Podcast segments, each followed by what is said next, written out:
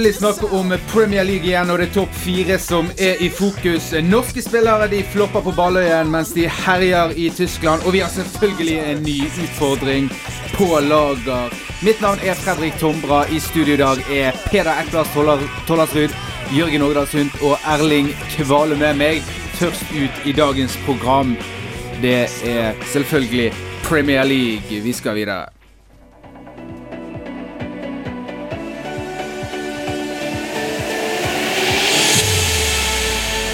Ibrahimovic han göra fyra mål. Ja, eh, det är inte helt otänkbart för nu är Johart ute och det blir ett... Det blir mål! Det blir mål! Det är det värsta jag sett!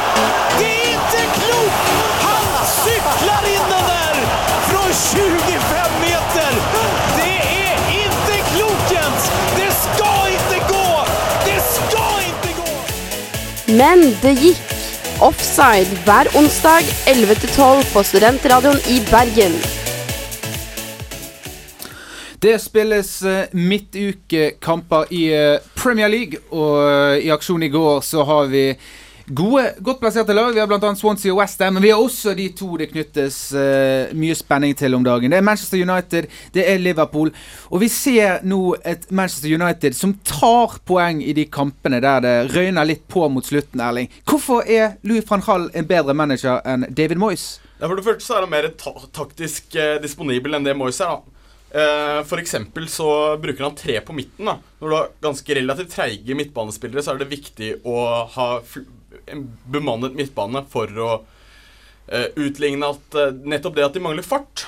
Og så ser det ut til at gutta er inspirerte i år, i motsetning til i fjor. For, for, det er jo klare karaktertrekk eh, som er til stede i årets lag som ikke var der i fjor. Og Det er jo at de faktisk kjemper. De gjennomfører kampplan. Hvor viktig er det for et lag, Jørgen? Nei, Det er i hvert fall viktig at du tror på det. Og det, de gjennomfører det fordi de tror på det. Som eh, det blir sagt, det er et lag som stoler på de instruksjonene de får. Eh, så ser man at gjentatte ganger at de sliter de siste 20 minuttene. At de begynner å få mye trøkk mot seg, men de gjennomfører det de skal. Og når Ashley Young kan spille venstreback og gjøre det med bra bravur, så er det jo, skjønner man jo det at det så, Van Hall hvert fall har fått noe til å skje. Men så må det jo nevnes at når det snakkes om forskjellen mellom Moyes og Van Hall, så er det snakk om 1 milliard kroner, som også er en forskjell her. Ja. Men, men er det eneste forskjell, Peder? Eh, det, kan, det, kan, snakkes opp i, i mente, men, men, forskjellen er jo som Erling sier, at de har en plan. Altså, Gutta vet hva de skal gjøre når de kommer ut på matta. For Moy så var, var, det litt sånn Hummer og Kanari visste ikke helt uh, hva planen skulle være, men nå vet Ashley Young hvordan han skal spille venstreback når han spiller uh, venstreback, wingback. Nå vet Fellaini hva han gjør når, når han går ut på, på den posisjonen han går ut i, og du ser at det er en plan når United spiller fotball. Men de har ikke evnen til å avgjøre matcher, som gjør at når motstanderen da får en liten bølge på slutten av kampe, kampene, som de som regel gjør, så kan de miste poeng. Og det har de da ikke gjort, fordi at de har eh, kanskje den verdens beste, eller formkeeperen i verden for øyeblikket, David De Hea, i, i, i goal, som dem, har reddet dem mange kamper på rad nå. For det er jo ingen hemmelighet at United sliter med midtforsvaret sitt, Erling. Altså det har, det har vært spilt uh, hva er det, fire-fem fire, forskjellige på venstre back tre-fire altså, forskjellige på høyre back, og så har de syv forskjellige mann som har stått i midten. Ja. Altså, jeg har ikke talt mange midt, midtstopper og forsvarskonstellasjoner United har hatt de siste to sesongene. At eh, vi er preget av skader, er jo ikke noe hemmelighet. Og jeg tror det går an å peke på det medisinske apparatet her, altså. Jo, men så er det jo litt det at du har én milliard kroner til, uh, til, bruk, og så henter du inn uh, Di Maria, uh, Radamel Falcao, Daily Blindt, og så henter du ikke inn en stopper, så sitter du der med Tyler Blackett og Paddy McNair mot Arsenal. Altså, det, det, gikk jo bra, det er greit, men, men, men det er jo liksom Gikk bra. Litt. Det er jo bare fordi Wilshere ikke kan å skyte. Ja, og da David Hea var i god form. Smalling, Evans, Jones, Rojo Alle disse her kan jo, Det er fire stykker som kan spille stopper, er relativt gode stoppere. Men de ja. er jo skadet hele tiden. Altså, jo, Tenk deg om United kunne innarbeidet seg en forsvarsduo som hadde spilt kamp etter kamp etter kamp. Klart at de hadde blitt tryggere på hverandre da. Klart at det hadde vært en mye bedre, mye bedre alternativ. Men sånne ting må du gardere deg mot. Og det er ikke som at dette kom som en overraskelse på Manchester United at Johnny Evans er skadeplaget. Jeg, du må gardere deg, men du kan, når du har fire stoppere, så er, mener jeg at du er gardert. Da har du uflaks. Jeg er helt enig med Erling, Da må du se på hvordan man trener. Det er gjennomgående at United og Arsenal sliter med mye av de samme skadeproblematikken, og de må se på hvordan de trener. Det er ikke noe verre enn det. Men, men jeg vil tilbake på en ting som, som jeg syns United har gjort bra. og det, det Under Moyes så, så vi de falle sammen. De hadde ingen plan B.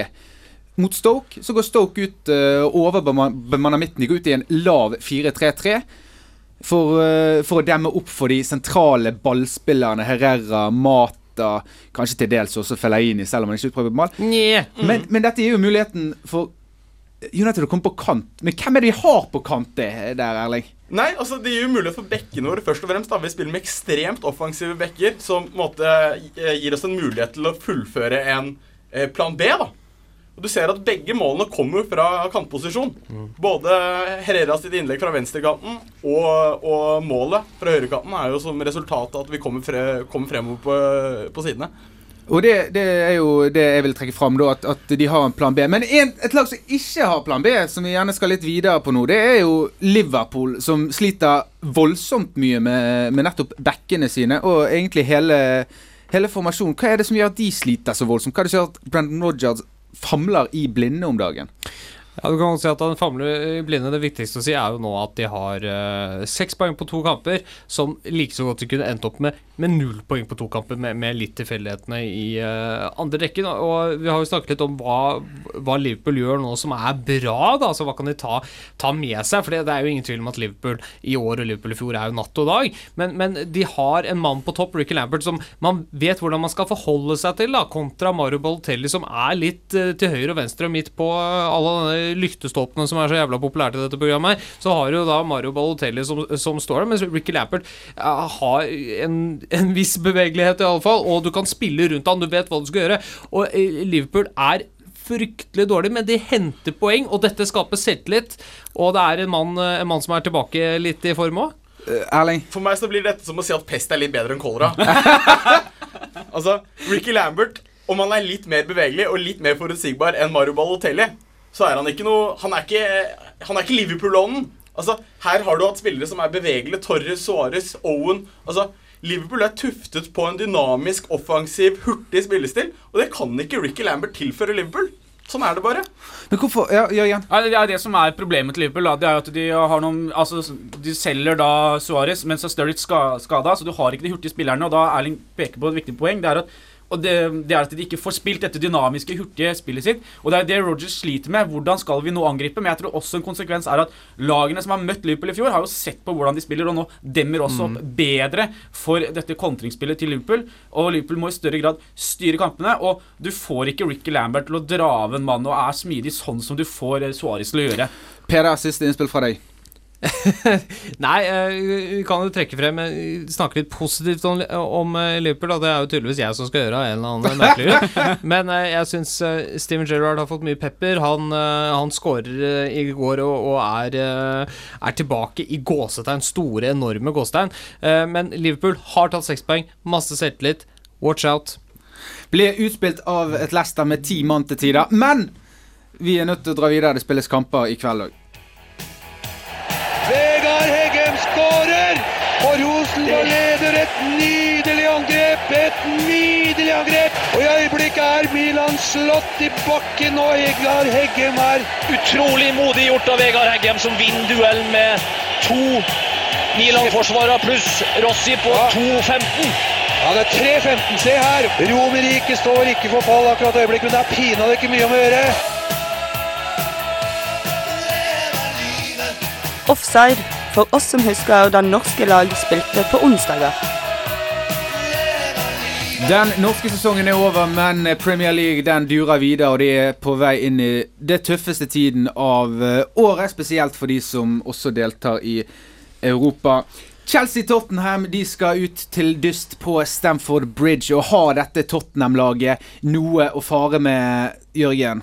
De har jo noe å fare med, og selv om de på en måte de, Vi har ikke blitt im, veldig imponert over sesongstarten, så har de begynt nå å plukke litt poeng. da, så eh, Eriksen er fantastisk, spiller veldig bra, driver jo dette laget hele tiden. Men så har Soldado da plutselig skåret et mål, og for de som husker han fra Valencia, så var det jo gjerne at eh, Soldado var catch-up-effekt. Eh, skårer først ett mål, og da skårer han en haug med kamper på rad, og så går det ti kamper igjen hvor han ikke skårer. Ja, det er dårlig, dårlig leveringsevne på ketsjupflasker i Nord-London, altså, for han, eh, han, har ikke Han har ikke vi, nei, nei, Han har skåret mange mål, men han har ikke akkurat kommet på løpende bånd. Nei, men, har ikke skåret som, hvis han, hvis, men hvis han kommer tilbake i den flyten, så kan, har de i hvert fall noen som kan true Chelsea litt, grann, i hvert fall, og lage litt problemer. Gitt at, gitt at uh, Soldado er tilbake i form, så har jo eh, Chelsea-forsvareren slimål å slite med, da. Men gitt at Soldado i det hele tatt starta, er tilbake i dag Men, men eh, litt på det Tottenham, for de sier jo det at de gleder seg ikke til å spille på White Hart Lane, men de gleder seg til å spille på bortebane. De har bedre bortestatistikk enn hjemmestatistikk. Ja, jeg har jo vært på White Hart Lane, og det er jo et møkka, møkkabane. Råttent og gammelt. Og jeg skjønner jo at de vil til, til Stamford Bridge og kose seg litt med gode fasiliteter. Men, men, men poenget mitt er jo uansett uh, drar, Utrolig kritisk hjemmefans. men drar Tottenham uh, av gårde for å, for å vinne denne kampen, for å få et resultat? Ja, altså Jeg tror du er inne på noe der, Fredrik. Fordi Tottenham har utrolig kritiske hjemmefans. Og det er ganske kritisk atmosfære på White Hart Lane om dagen. Og det er hagling mot Levi, det er hagling mot spillerne. Og jeg tror at det, når de spiller på brua nå, så kommer de til å spille med en helt annen ro enn det de gjør på hjemmebane. Det tror jeg er viktig, viktig for Tottenham. Ja, og så er det jo litt sånn at du kan sende Antilope med så jævla mye selvtillit du vil inn, vil inn i løvehulen. Det kommer til å bli spist opp uansett. Her kommer Chelsea, serieledere. De er suverene. Greit, Diego Costa har karantene, og kjører vi Didier Drogba som storspilte på Old Trafford. Dette her kommer til å bli en walk in the park, eller på brua, da, eventuelt. Ja. Fra Chelsea-laget som spilte uavgjort mot Sunderland. Jo, men, eh, men, og ikke men, å. Tottenham kommer jo ikke til å parkere bussen på samme måte som Nei, Sunderland gjør. men, det, men det, det som er uh, morsomt og du tar opp, Kommer Tottenham til å gå for å vinne? Og det antageligvis gjør det det, fordi Tottenham har det ikke i veggene eller blodet eller DNA-et sitt i det hele tatt å spille kynisk defensivt, og det passer for Tottenham Chelsea veldig bra. Absolutt. Uh, så det, det er Hvis ikke Tottenham greier også å være kyniske, så er de nødt til å skape masse sjanser og scorer på de tidlig, så Chelsea blir jagende, og kanskje spillerne da automatisk skjønner at de kan eh, legge seg litt bakpå. Ja, for det skal- ligger ikke Tottenham-DNA. Hvis du skal sette bakover. det der forsvaret høyt mot, uh, mot bakromstruslene Chelsea har i, i Hazard I og I, i Hazard og William som løper bak en targetmann, Didier Drogba. Ja. Eventuelt om du starter med Rimi, som er en, en, Ja. en løpende spiss. Altså, det, Tottenham Ja da, de kan prøve så mye de vil, men her, eh, her snakker jo oddsen sitt tydelige språk. Chelsea, Chelsea er klare favoritter, men vi tar med oss det at Emmanuel Adebayor han løp fra midtbanen og plasserte ball bak en Petter Kjeks som så ut som en lyktestolpe med lyset av for et par sesonger Lokalderby. siden. Alt kan skje, sier jeg da. alt kan skje. Ja da. Men det er en annen kamp òg som kanskje er knyttet uh, enda mer forventninger til blant fotballhipsterne, og i hvert fall kritikerne, og det er jo uh, Arsenal-Southampton. Southampton kommer på Emirates uh, etter eh, et 3-0-tap mot eh, Manchester City, og Arsenal kommer etter en lite overbevisende 1-0-seier mot West Bromwich, var det det? Ja, det var mot West Bromwich. Eh, Arsenal har jo hatt en elendig sesong uh, sammenlignet med, med forventningene. Forventningene var jo at her henter vi inn Alexis Sanchez, som er en av uh, verdens beste kanter. Du henter inn Danny Welbeck, som har et uh, u, um, Altså et potensial, da, som, som han skal begynne å bøtte inn mål. Men altså Ja, halvveis i United, halvveis på England. Her blir det under halvveis for, for Arsenal òg, men, men Giroud, Welbeck, den konstellasjonen der, kan det være noe i dag? Altså, det kan gå begge veier. Men, men jeg vil jo trekke fram det at begge lagene sliter på midtbanen. Arsenal har skader, Arteta og Wilshere. Statenten har sannsynligvis eh, Morgan Schneiderlin, som er deres viktigste spiller Ja ute. Ja, han er jo motoren i hele Jeg har jo lyst til å diskutere hva er det som kommer til å skje i denne kampen. For det, Southampton har opplevd måltørke. Arsenal har opplevd ineffektivitet. Hvordan De har hatt denne, måltørke i ti år. men hvordan kommer denne kampen til å spilles? Kommer Southampton til, til Emirates for å spille ball? Det er det jeg vil vite. Ja, jeg, jeg tror jo at uh, Southampton nå, de ser på kampprogrammet sitt og ser at de har sju grusomt vanskelige kamper. Og hvis de skal gå inn i de hver eneste kamp der og si at de skal forsvare tabellposisjonen sin, så kommer de til å spille syv uavgjortkamper og dermed være langt nede. For de er nødt til å tørre. Og dette Arsenal-laget her, det er et av de lagene du kan tørre mot, for Arsenal er ikke flinke bakover. Har masse skader bakover, slash fått inn spillere som da ikke har spilt på lenge. Her er det mulig å bruke på, altså utnytte den situasjonen Arsenal er i. da. Det Er det, ikke, er det ikke mye mer nærliggende at Southampton legger seg bakpå, Erling? Jo, det er nettopp det jeg tror. Altså, Jeg tror ikke som Jørgen sier at de kommer til å legge seg tilbake og forsvare den 1-0. Jeg tror de kommer til å kontre. Jeg tror de kommer til å forsvare inkasso, så tror jeg de kommer til å kjøre 100 fremover når de får ballen. Ja, Graziano Ja, ja, Pelé står litt høyt i banen. Graziano Pelé skårer jo ikke mål. Nei, Altså, for, å ta, altså- for å ta en sånn en, da. Altså, Graziano Pelé har kjøpt seg stang, han har kjøpt seg flue, og han skal fiske. Han skal fiske, så har han Sadio Mané, han har en Dusan Tadic, kvikke føtter skal komme inn bak. Jo, altså, også- Arsenal vil jo etablere spillet høyt på Ja, egen hjemmebane. jeg tror også Arsenal vil eh, være det som eh, fører spillet, men jeg tror at Southampton ikke nødvendigvis kommer til å peise på hver gang at de faktisk er interessert i å trille litt kule, for de blir veldig slitsomt hvis de skal gå på hver eneste kontra de får. Og jeg tror Southampton føler at dette er et av de storlagene de kan slå, for de har nå et helt grusomt kampprogram, og det er nå vi ser karakteren deres. Husk hvem som er trener for Southampton her, da. Han, eh, Ronald Koeman, han har totalfotballen i blodet. Han vil spille ball, han vil ikke gå ut og forsvare seg. Han vil spille den fotballen Southampton har spilt i hele år. Jeg tenker at han At eh, Ronald Koeman går ut i dette tøffe kampprogrammet og tenker at enten så går vi ut og forsvarer den andreplassen vår, spiller god fotball og får poeng, eller så går vi ned med flagget til topps, men står for den fotballen som Southampton spiller. Og den fotballen har jo Southampton stått for lenge nå. Jeg tror ikke de går bort fra den selv om de kommer på Emirates. Erling, du får et siste innspill Altså, eh, om i diskusjonen. totalfotballens, om ikke far, i hvert fall nevø, spiller med fem bak i VM, så kommer Koman ikke til å vegre seg for å gjøre det samme, eller noe av det samme. Vi uh, trekker videre uh, derifra. Vi skal snakke litt om uh, en klubb som har det tungt for tiden. Vi er klar for avspark. Magnus Skilstad i mål, altså. Ludvigsen og Moen i midten. Ylenden Brenneseter på hver sine back. Eh, På eh, midtbanen Kvisvik, Pedersen, Samuelsson, Helland og Gunn Tveita. Og på topp Mika Kottila. Da er vi tilbake igjen der vi startet. Faktisk kanskje enda litt dårligere, for nå har Molde oppdaget at det går an å skåre mål her oppe. For et frispark av Raymond Kvisvik! Han må bare farge håret og få seg en dame, så ligner han på David Beckham. Altså, vi er 1,40 på overtid. Har ikke pust igjen. Andreas Lund Torstein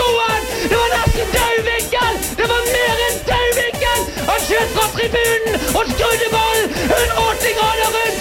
Akkurat som en golfspiller! Offside! Supportere i tykt og tynt. Det var gode tider for eh, sportsklubben Brann for eh, syv år siden, men akkurat nå så sliter de, og det er, som, det er en evalueringsprosess på gang i klubben. Styret, må det gå? Altså, sånn Umiddelbart så tenker jeg ja, fordi det styret har eh, gjort det Vi har gått med underskudd i nå så mange år, og det er ikke noe spor av sportslig suksess å hente der, eller bedring. Så eh, hvis jeg hadde vært en bedrift, så hadde de jo for lengst fått sparken. Men eh, Men Nå ser vi det at to av styremedlemmene har jo allerede trukket seg. Ja, det er, litt, det er dumt, da, for det er kanskje de feil styremedlemmene som trekker seg. Eh, for det virker jo som Brann per dags dato har et styre hvor det er veldig mye kameratskap, og at du har eh, en lege som går ut og sier blant annet at dette er Her snakker de er de opptatt av hverandre, men de greier ikke å ha en intern evalueringsprosess og prøve å være kritiske mot seg selv, og det er et problem. Er det en for lite konstruktiv dialog, eh, Erling? Ja, altså om det er Jeg har lyst til å gå tilbake på det Jørgen sa om det var feil styremedlemmer som trekker seg. Jeg lurer på om det kanskje skal være riktige styremedlemmer. Fordi disse styremedlemmene her har vært i opposisjon. Marie Sæter og Cato de har vært i opposisjon mot den etablerte kompisklubben. Og det kan gi et signal, da. Det gir et signal om at ting ikke er som det skal.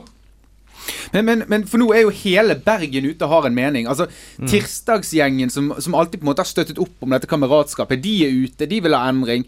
Du har Bataljon som kanskje har moderert seg eh, enda litt mer enn de, de, de pleier å være.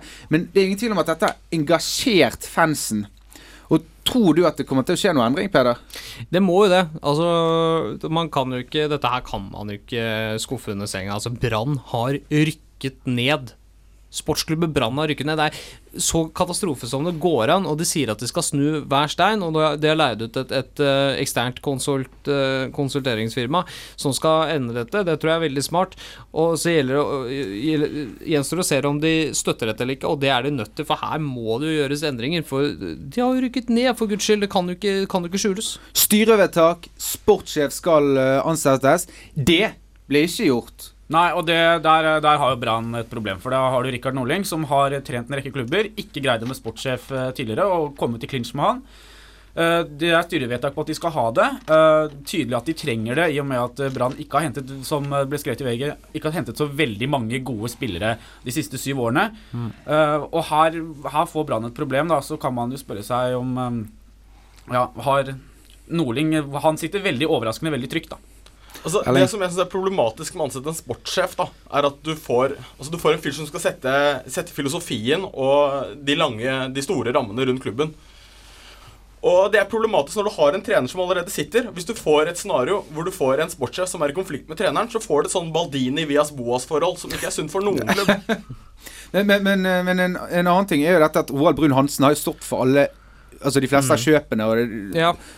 Svegaren skrev vel at han bommet på tre av fire kjøp. Ja. Og det er jo ganske betydelig. Da, da kaster Brann mye penger ut av vinduet. De kaster mye ressurser ut av vinduet. Ja, og det føler jeg er litt av, av, bekymringen nå, da. Fordi vi kan jo snakke opp eh, herfra til mente at eh, han må gå, han må gå, han må gå. Men hva er konsekvensene for at han må gå? Hvor mye må Brann betale for at visse personer må gå? Det er jo hovedgrunnen, tror jeg, for at Rikard Norling ble freda her. Det er jo fordi at han har en fallskjerm herfra til himmelen som eh, de rett og slett ikke vil betale. Og det kan koste dyrt i første divisjon. Jørgen. Ja, nei, Jeg er helt enig med det med Rikard Norling, men jeg mener at man må ikke nødvendigvis kaste Roald Brun Hansen, men man må finne en annen som kan ta de sportslige avgjørelsene på sport. For det er helt tydelig at det er ikke kompetanseområdet hvor Roald Brun Hansen kommer best til rette for Brann. Og, og jeg tror jo denne eksterne etter konsultfirma kommer til å komme fram til lignende. At dere må ha en sportsdirektør, og dere må gjøre om organisasjonen. Men så er det jo spørsmål om styret greier å følge opp de eh, forslagene de får. For det er Ja. jo ikke nødvendig. at Nei, de for de har vist det at gjennom vedtak, så de har ikke fulgt vedtakene. Nei.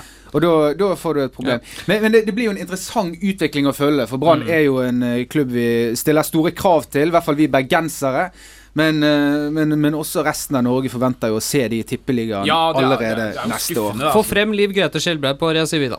Får hun det fram blikk. i lyset. Vi skal videre i dagens sending. Offside presenterer Det blir mye fun. Jeg si gang. vi, tar, vi tar forsvarsrekke. forsvarsrekkene først.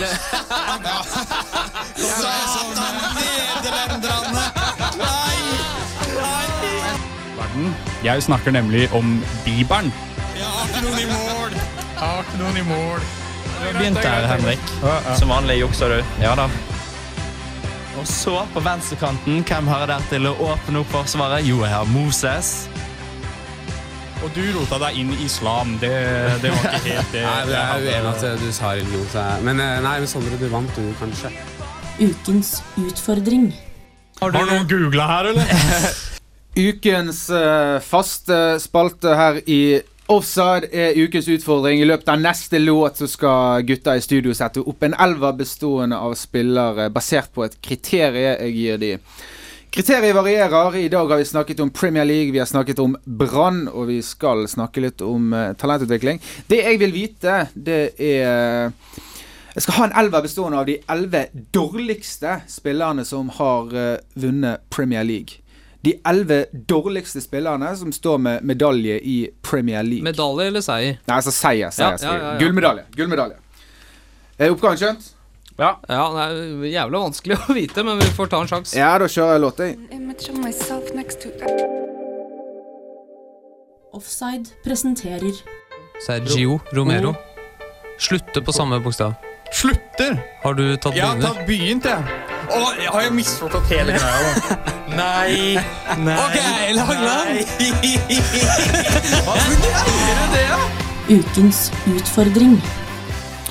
Da skal jeg ha svar på hvilken Premier League-spiller som har vært dårligst og likevel vunnet Premier League. Og vi kan starte med deg, Erling. Du har satt opp eh, en keeper og en liten forsvarsrekke, håper jeg. Altså, Det går jo så langt tilbake at jeg er sånn usikker på Og United har vunnet så mye, så jeg er usikker på om vedkommende faktisk har PL-gull. Men jeg har satt opp Massimo Taibi. Nei, han var ikke med Nei, han er mest kjent for den ene tabben han hadde. Som, Ja, han spilte han, spil, Mest kjent. han spilte det United-tomrommet fra 99 der til United vant jo tre år på rad fra 99, 2000 og 2001. Gjorde du det? Ja. Men ja, Vi kan sjekke opp om Taiba har vunnet, da. Men uansett, du har en keeper, og du har vel sannsynligvis også noen forsvarsspillere. Ja, Eboe på høyreback. Don't blame it on a Bowie. Don't blame it on Eboe. Senderås. Oi, ja, den er klasse. May, David May. David May, ja, ingen god spiller. Men, men Kirkhoff vant han i Chelsea. Sjansen på Hvem? det. Kirkhoff. Juri Kirkhoff. Nei, nei, nei. Han vant ikke? Ja, det kan vi dobbeltsjekke. Det kan vi dobbeltsjekkes. dobbeltsjekke. Ja. Jeg tror kanskje han vant. Ja, men da kjører vi på videre. Da, Jørgen, du som har eh, masse spillere bak der. Eh, ja, jeg har eh, Carroll i mål, da. Eh, han har jo vunnet. Roy. Ja. Uh, Venstrebekk Del Horno var jo aldri noe suksess i Chelsea, for å si det sånn. Eh, David May har jeg også. Uh, Dean Michelis, som har blitt uh, jakta på av alle eksperter eh, så lenge han har vært i City. Han ble jo Nei, han ble god! Han var god! Nei, han var Han aldri er, han er Citys nest beste stopper. Det sier mer om City enn om Dimi Cheles Uh, og så var jeg altså sånn skal ha Eboe, men jeg synes at John O'Shea Han eh, var aldri god for har Aldri vært en god fotballspiller. Han er Stabil. Potet, men han stabilt dårlig. Er det ingen som har Gary Neville her, Peder? Han er jo god! Nei, jeg har ikke Gary Neville. Uh, jeg har, eh, ante ikke hvilke keepere som hadde vunnet hvem, så jeg satte opp uh, en levende legende. Men han er ikke legende fordi han har vært god, han er legende fordi han alltid har sittet på benken. Alex Manninger. Ja, det er den beste keeperen. Og så da, eh, som eh, Jørgen, så har jeg selvfølgelig Acer Del Horno, som bare presterte å bli utvist mot Barcelona i åpningsfinalen. Det var det han klarte å gjøre i, eh, i Chelsea. Eh, jeg eh, hater treige midtstoppere, og vi har John O'Shea og mannen som har vunnet to ganger, men aldri vært sånn på et høyt nivå, Henning Berg. og så på høyre bekk, da, min personlige favoritt som jeg hadde så store forventninger til, José Bosingua. José Bosingua, ikke Paulo Ferreira, eller Vant Khalid. Bolarouche noen gang? Uh, nei, det tror jeg ikke. Men herre Jesus, så mye bedre Ferreira var enn Bosingua. Det bare til å Ja, med. Erling, Erling, Erling. Du skal få ta en midtbane. Ja, her er også litt ute å kjøre, da. Jeg må innrømme det. Men jeg har Det er jo Last- alternativ, jeg ja. har Lastiarra i Chelsea. Jeg vet aldri om han vant, egentlig. Det Jeg det tviler jeg på det. stort på at han gjorde. Det skal sjekkes. Ja, det er Ja, det er jeg ja, ja. sikker på at han ikke gjorde. Andersson Ja. for United. Han er dårlig. Han er dårlig! Han er dårlig. Det, er jo, det, det var det første som ble skrevet på. Han er jo krystallklar. Og så har jeg Damon Duff her, eh, egentlig på høyrekant, men jeg strøkte han Ja, Det tror jeg er bra, for han var god. Da han Lee vant. Sharp. Lee Sharp. Ok, ja. Ja. Du, du er inne på noe, Jørgen. Ja, Ja, jeg må jo si da at denne her er jo veldig United-prega midt- midtbane. Eh, Det er rett og slett fordi jeg husker flest United-spillere som har vunnet. Men jeg har også Anderson, som har vært katastrofe fra dag én til nå. Ja. Uh, Cleverly, som blir kasta på dør fra United. Cleverly. Høyrekant Høyrekant BB. Han har Men har han Men, vunnet? men har han vunnet? Det er Ja, spørsmålet. ja, han har vunnet. Han har vunnet. Ja, ja. Ja. Men så, gutter, så har jeg Jesper Blomkvist. For han har jo aldri vært noe god. Nei. Selv om han startet Champions League-finalen. Men, men jeg vil komme med, bra jeg, jeg, jeg komme med et innspill. BB har aldri vunnet Premier League for Manchester United. Ja, den er grei. Hæ? Aldri. Han poserer jo med pokalen på internett. Ja, Men det er fordi han er uh, Spilte to jævla klyse. kamper uh, i eh, 2010-2011. Annet enn det har han null seriekamper. Han har ikke vunnet. Ja, men eh, må du ikke ha Er det ikke to kamper som er uh... Nei, det er ti kamper som Så kamper. får er du, eh, du får disponere og søke. Ja. Men BB får- har tydeligvis ikke møtt kravene, da. Okay. Han har jo ikke spilt heller. Ellers. Jeg kjører Ja, eller er det min tur? Ja, Ja, absolutt. jeg kjører en diamant, jeg, da. eh, Rett og slett fordi jeg ikke kom på noen kantspillere. Eh, eh, jeg har selvfølgelig også Cleverly Anderson på Cleverly Anderson på, på sentral. Bak dem så har jeg en mann som ble kjøpt inn til Chelsea rett og slett fordi han var Roman Abramovic sin yndlingsspiller fra gammelt av. Alexis Mertin. Kom inn, spilte, var dårlig hver eneste kamp. Han var der bare fordi at Roman Abramovic likte han fra CSKA-tiden. Helt fantastisk. Og fantastisk dårlig. Eh, så har jeg Gabriel Aubertin, som fortsatt ikke har slått helt gjennom. Som eh, sitter der som en, eh, som en slags kroning Har han på gull? diamanten.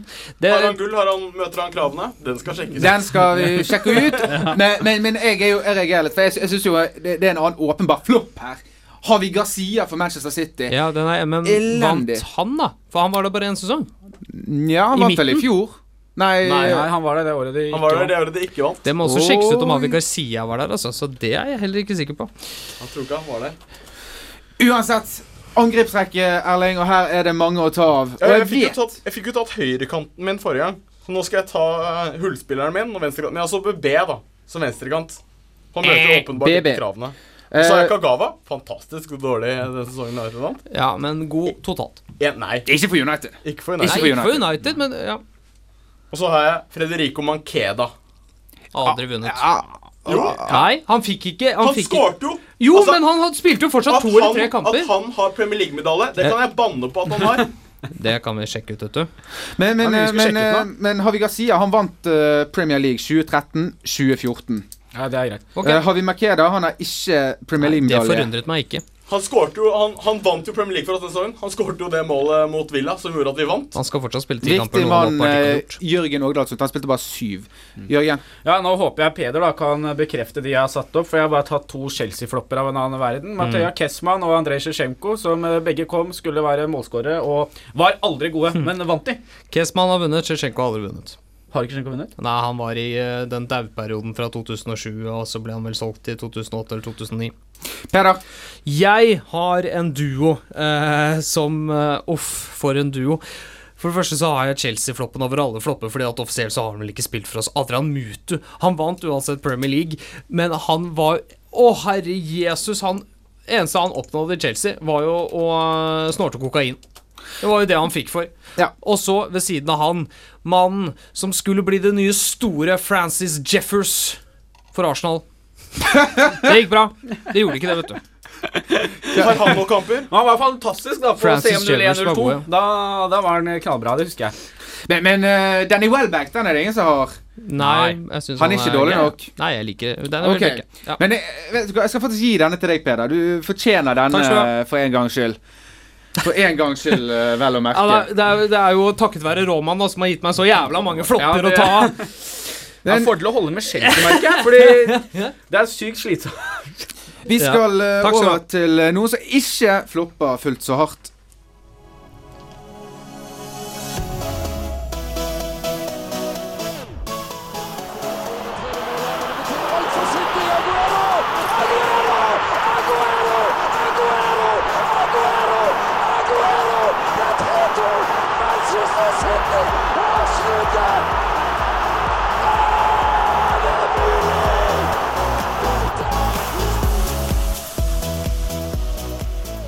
Offside. Vi skaper miraklene. Ein, zwei, drei, fire, fem, seks, syven. Håvard Nilsen har skåret syv mål i eh, andre Bundesliga. En liga der norske spillere faktisk ser ut til å lykkes, i motsetning til eksempelvis eh, Championship. Hva er det som gjør dette til en eksemplarisk eh, utviklingsarena, Erling? For det første så er det mye mindre tropper i Tyskland. Og det er mye mindre penger i Tyskland. Og det gjør at eh, presset blir mindre. Og istedenfor å være nummer fire i køen, så er du kanskje nummer to i køen. Så uh, muligheten for spilletid er altså mye større i Tyskland enn det det er i, i Championship. Ja, for Vi ser norske spillere de går til eh, England, så flopper de. Men går de til Tyskland, så slår de plutselig litt mer igjennom, Jørgen. Ja, Det som også kanskje kan være viktig å påpeke, er at de unge spillerne som går til England, litt unntak nå under Solskjær i Cardiff, har jo vært at de går veldig unge, som 16-åringer, og spiller på sånne juniorakademier. og det, Man kan jo stille seg spørsmål om det egentlig er den beste veien å gå da, for å bli eh, best mulig i fotball. Om det kanskje er bedre å spille da seniorfotball eller førstedivisjon uh, her hjemme. Fire av elleve startelvere på landslaget har gått den veien av Jørgen. Men i, i alle fall, vi ser jo i Tyskland så ser vi at uh, de unge, unge spillerne våre får, får spille. Ja. De får sjansen. Det, det kan ha flere faktorer. Det kan også være at, eh, at nordmenn generelt nå de siste årene har rett og slett vært bedre i Bundesliga enn de har i Premier League. Og derfor er toleransen eh, høyere for, for eh, de tyske lagene å prøve å hente fra det norske markedet Ja, og- kontra det eh, Premier League. Og Eintracht Bransjø har jo åpenbart en, en liten forelskelse i norske Ja, spillere. de liker eh, nordmenn. Men vi ser, vi ser, jeg skulle bare skyte inn at vi ser jo også det at Omar El Abdelawi, som på en måte gikk, i- gikk fra Citizens akademi, han gikk ned, og så gikk han tripp, trapp, tresko. Han gikk til Nederland, andre Bundesliga, første Bundesliga, og så til Olympiakos og Champions League. Men Dæhlie, han gikk til Molde, og så gikk han rett tilbake til Premier League, og det gikk ikke. Nei, han eh, har, har, har jo der de vært jævlig uheldig, og da vil noen argumentere for, men, men du ser jo uansett i championship så ser du liksom store talenter. Da. Joshua King Hva kunne skjedd med han hvis han hadde gått en annen vei? Han får ikke spille i, eh, i eh, championship. Magnus Wolff Eikrem, kjempebra i Heerenveen. Burde han kanskje da tatt veien til Tyskland, eventuelt blitt i Nederland, istedenfor å gå rett i Premier League? Eh, og det, det er jo en blitt litt sakens kjerne. Er Tyskland en bedre arena? Er det der norske spillere bør gå, Jørgen? Ja, når det kommer til Wolf Eikrem, da, for å ta det først, så var det jo helt håpløst. Det har vært et halvt år i Nederland og så stikke videre. Han burde jo så klart blitt. Men eh, når, eh, når det- jeg sånn tror- agent. Jeg tror at uh, tyske klubber faktisk er bedre på å hente spillere enn engelske klubber. Jeg tror de er mer opptatt av hvilke spillertyper trenger vi, og henter de istedenfor uh, sånn som det er blitt, at du må sope inn masse talent, og så håper de på at én eller to Mm. uh, når fram, og som, som engelske klubber gjør mye av. Men da blir det som Erling sier. Da blir du nummer fire i køen, istedenfor det at hvis du får en skade i Tyskland, så er det den unge spilleren som får prøve seg, og ikke han andre som er 24. Og så er det, hørte jeg at det blir lagt vekt på at uh, kulturelle forskjellene i Norge og Tyskland er mye mindre enn de kulturelle forskjell, uh, forskjellene mellom Norge og England. Så det er lettere å finne seg til rette, Mm. og det er lettere å føle seg hjemme i Tyskland. Det er finere damer også. Men så, så er det jo, er det jo med dette med, med, med tæring etter næring, og at klubbene faktisk satser på talentene. Vi ser Ja. det Schalke, Max Meyer, Julian Julian, Draxler. Draxler, Christian Clemens, Leon Goretzka. Disse får spilletid der. Ja. Det gjør ikke sånne typer spillere i, eh, i andre ligaer. Nei, i England så er det viktigere å prestere. Kan ha litt også med disse, disse pengene da som du får av å spille i Premier League, at det er så viktig å være i Premier League, og at pengene da brukes på å hente allerede etablerte, gode spillere fra andre ligaer enn å hente talent. De kan de heller da, som Chelsea holder på med, kjøpes inn og lånes ut i hytt Ja. og gevær, og så selges videre. Men da må man tenke på det når man er ung spiller, og kanskje da ikke gå til den største klubben, men den klubben man får spille for. Og det er jo en av agentene sine oppgaver, mener jeg, å legge til rette for at spillerne faktisk får spilletid, og ikke for at de kan komme til den største klubben og Mm. være en sånn bremsekloss. Da. For det er så klart, når United slenger et tilbud på bordet, så skjønner jeg også at det er veldig vanskelig å si nei. Ja, For agenten og spilleren må også tenke på det. Altså Langsiktig profitt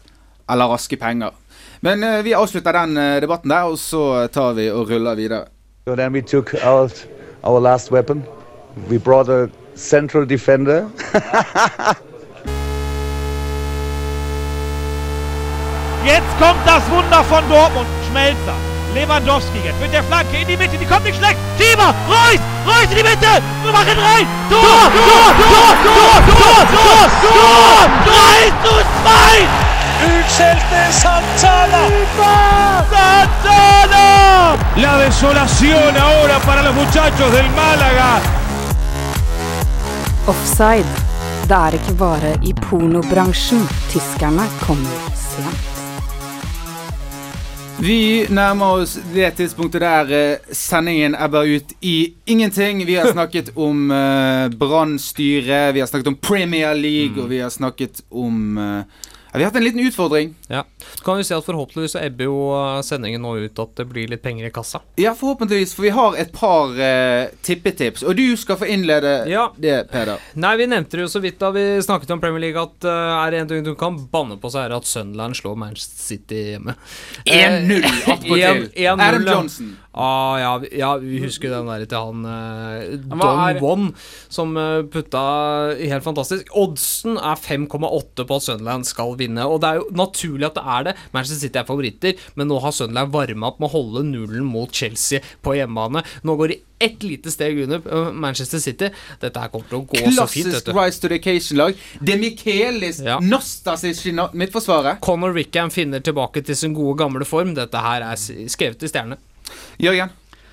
Ja, jeg vet ikke om det er like skrevet i stjerne, men eh, Everton må jo ta poeng. De spiller mot Hull, som ikke har imponert eh, noe eh, så langt i sesongen. Og jeg tror Everton vinner med flere mål, og da får du, hvis du tipper på det, så får du 2,25 i odds. Ja, Erling? Southampton Arsenal skårer jo ikke mål, og det er 3,95 på at Southampton skal ta det. Jeg tror Southampton tar det. Du tror det? Ja. Men Blir det en målrik eller målfattig kamp? Nei, jeg har ikke, kommer ikke til å tippe på det. Men Hva tror du, eh, jeg tror det blir en målfattig kamp. Jeg tror de tar det 1-0. Vi får se, vi får se. Svaret kommer i kveld. Hvis du har lyst til å høre andre podcaster, eh, lese saker, så gå inn på srib.no offside. Og så trykker du 'abonner' i iTunes eh, på Offside sin podkast. Mm. Du kan også sende inn melding til oss på kodeord SRIB til 1963. Send oss en tweet, da. Ja, eller en tweet. Mm. Bare gjør det, sånn at vi får Ja. eh, dine meninger med. Gjør det. Så ses vi neste uke, onsdag klokken 11. Ha det bra.